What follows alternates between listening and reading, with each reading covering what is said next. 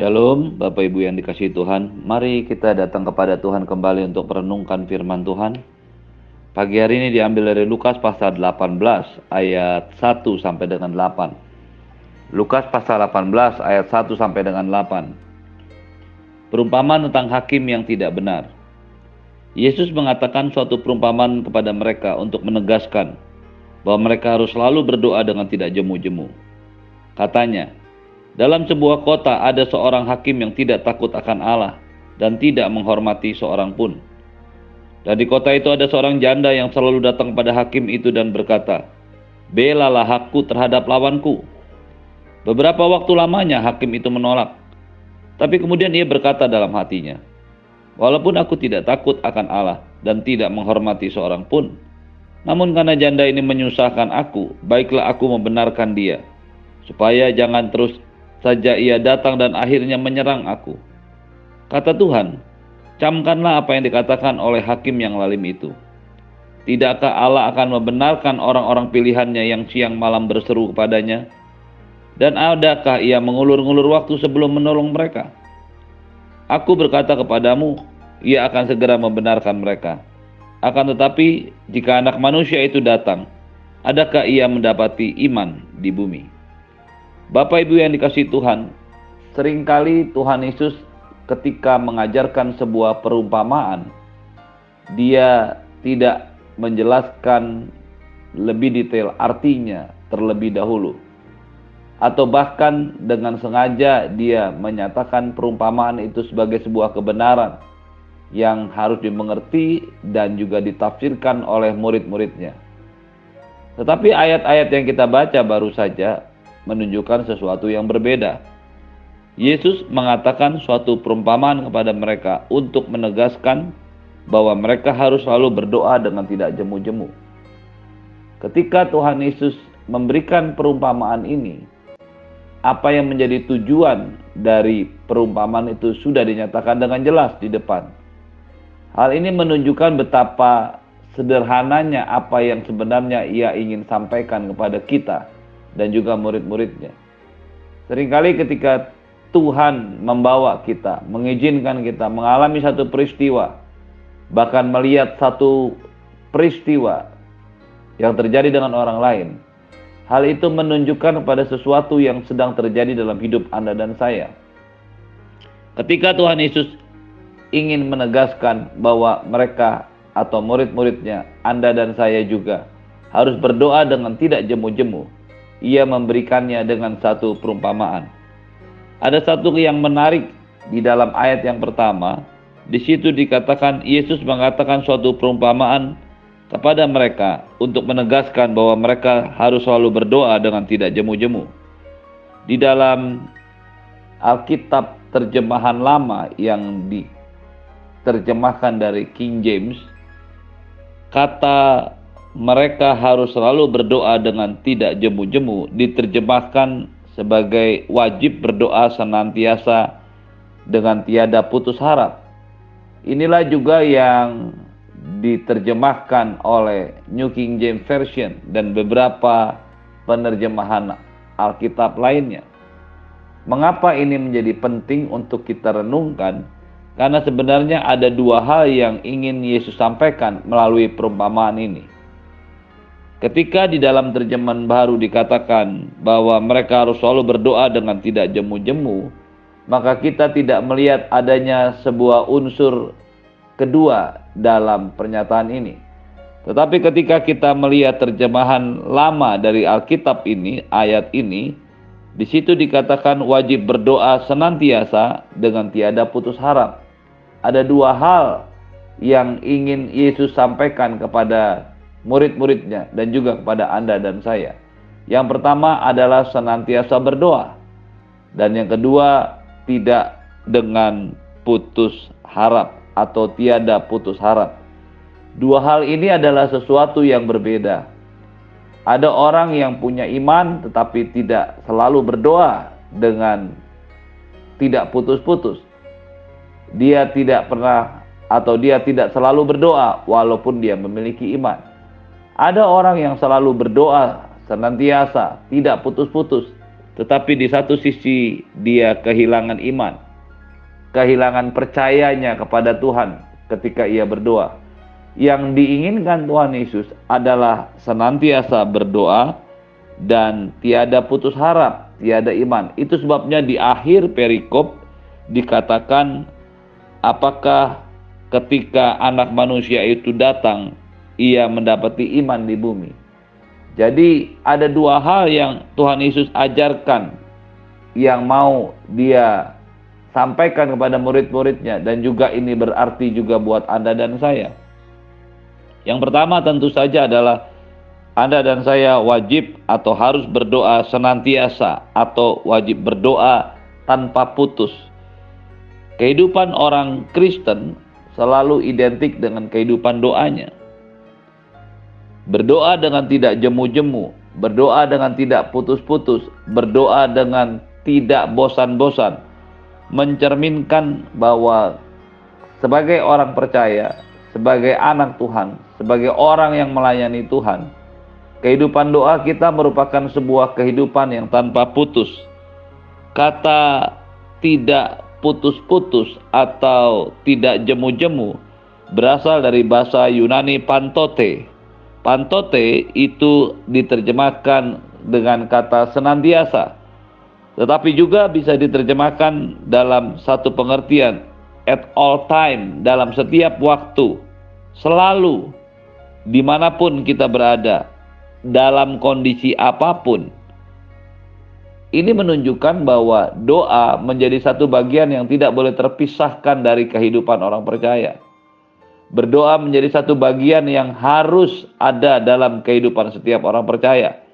Di dalam setiap keadaan, di dalam setiap kondisi, di mana pun kita berada, kapan pun kita berada, doa sejatinya menjadi sebuah hal yang harus tidak boleh hilang dalam kehidupan orang percaya.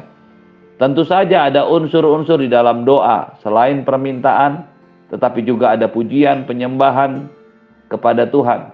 Tetapi pujian penyembahan kepada Tuhan juga harus disertai dengan sebuah petisi, dengan sebuah permohonan kepada Tuhan. Semua bagian doa yang dimaksudkan oleh Tuhan Yesus inilah yang seharusnya menjadi bagian yang tidak pernah terpisahkan dalam kehidupan setiap orang percaya. Setiap orang percaya, setiap orang Kristen harus membawa dirinya dalam sebuah kehidupan doa. Doa bukan menjadi sebuah syarat atau menjadi sebuah legitimasi dari sebuah kegiatan, baik ketika kita bekerja, kita belajar, mengerjakan ujian, atau bahkan mengerjakan bisnis, tender-tender bisnis, dan keputusan apa pun yang Anda dan saya ambil Terlebih juga di dalam pelayanan. Seringkali kita menjadi terlalu terbiasa dengan semua kegiatan kita tanpa kita merasa perlu untuk berdoa. Tetapi apa yang diajarkan oleh Tuhan Yesus pagi hari ini membawa kepada kita sebuah pengertian bahwa setiap orang percaya, setiap murid-muridnya, setiap orang Kristen harus senantiasa berdoa dalam kondisi apa pun, di mana pun, dan saat apa pun dia harus tetap selalu berdoa. Tuhan Yesus memberikan sebuah perumpamaan tentang hakim yang lalim, hakim yang tidak benar, hakim yang kejam. Hakim ini tidak takut akan Allah dan tidak menghormati siapa pun. Dia tidak peduli dengan apa pun dan siapa pun. Tetapi ketika ia menjadi hakim, ada seorang janda yang memang selalu datang pada hakim untuk minta perkaranya dibela. Janda ini tentu saja tidak punya uang, Janda ini tentu saja tidak punya kekuatan selain dia mendatangi hakim tersebut dan meminta hakim itu membela haknya. Perhatikan apa yang dikatakan Tuhan Yesus tentang hakim itu. Beberapa waktu lamanya hakim itu menolak karena dia memang seorang yang tidak takut akan Allah dan tidak menghormati siapa pun. Tapi kemudian ia berkata dalam hatinya, Walaupun aku tidak takut akan Allah dan tidak menghormati seorang pun, namun karena janda ini menyusahkan aku, baiklah aku membenarkan dia, supaya jangan terus saja ia datang dan akhirnya menyerang aku. Kendati pun dia adalah seorang hakim yang lalim, hakim yang tidak benar, yang tidak takut akan Allah, dan tidak menghormati apa pun.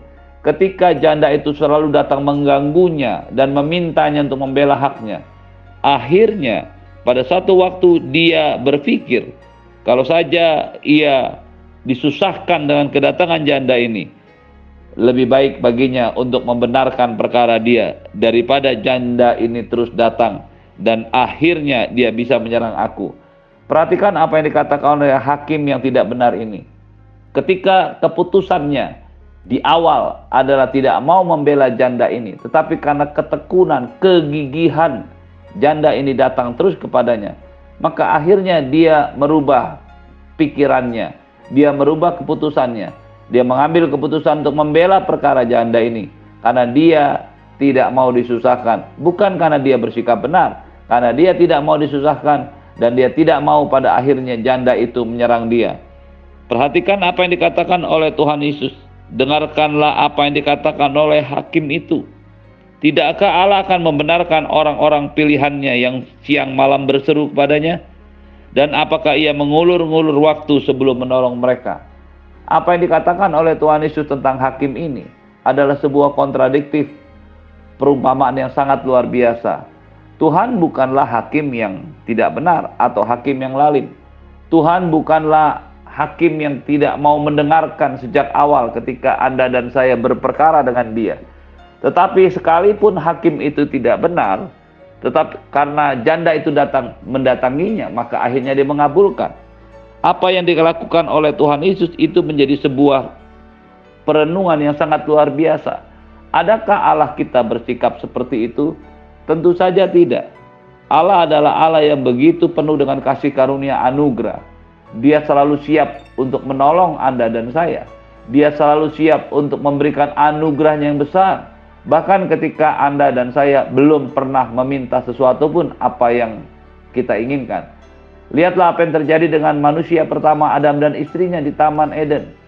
Bahkan ketika mereka tidak pernah merasa perlu untuk meminta pengampunan, Allah sudah menyiapkan pengampunannya.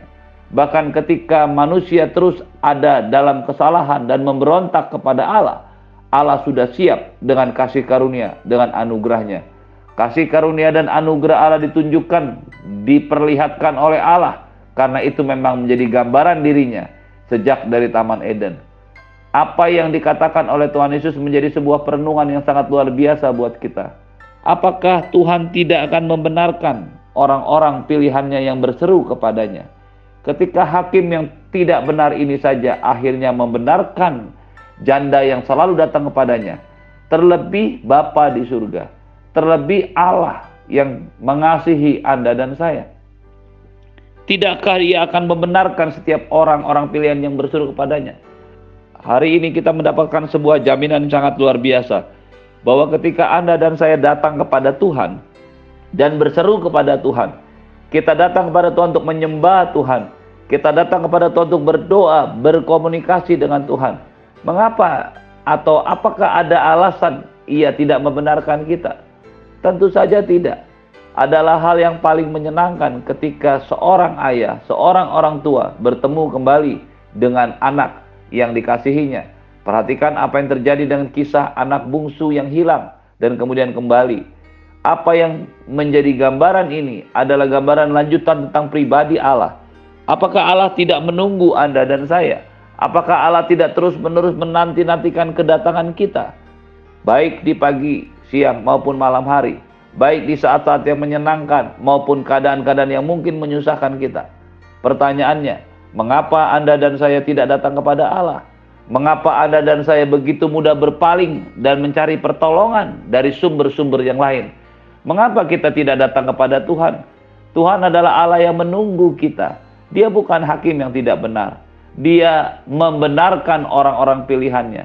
Dia menunggu waktunya dan tidak pernah mengulur-ngulur waktunya. Ayat ini menjadi sebuah perenungan yang sangat luar biasa. Betapa dahsyatnya, betapa besarnya kasih Allah kepada Anda dan saya. Itu sebabnya menjadi sebuah pertanyaan besar. Jika seorang percaya, orang Kristen, Seorang yang melayani Tuhan tidak berdoa kepada Tuhan, tidak menyediakan waktunya khusus untuk berdoa kepada Tuhan, mengapa ia tidak melakukannya? Bukankah Allah yang penuh dengan kasih itu sedang menunggu kita? Dan dia tidak pernah mengulur-ngulur waktu untuk menolong mereka. Pertanyaannya adalah, mengapa kita yang mengulur-ngulur waktu untuk datang dan berdoa kepadanya? Ketika Anda dan saya datang kepadanya, Ketika Anda dan saya menyembah Dia, berdoa kepada Tuhan, menyampaikan permohonannya, Dia adalah Allah yang sudah menunggu kita dan siap menolong kita dan membenarkan kita. Dia tidak pernah mengulur-ngulur waktu. Yang menjadi pertanyaan, bagian kedua dari topik doa pagi hari ini. Ketika anak manusia datang, adakah ia mendapati iman ada di bumi ini? Ketika ia tidak mendapati iman, maka doa-doanya menjadi lemah dan tidak bertenaga, tidak memiliki pengaruh apa pun. Menjadi lemah berasal dari bahasa Yunani ekakeo. Ekakeo adalah sebuah perasaan atau sikap yang berkurang kepercayaannya, yang menjadi lemah.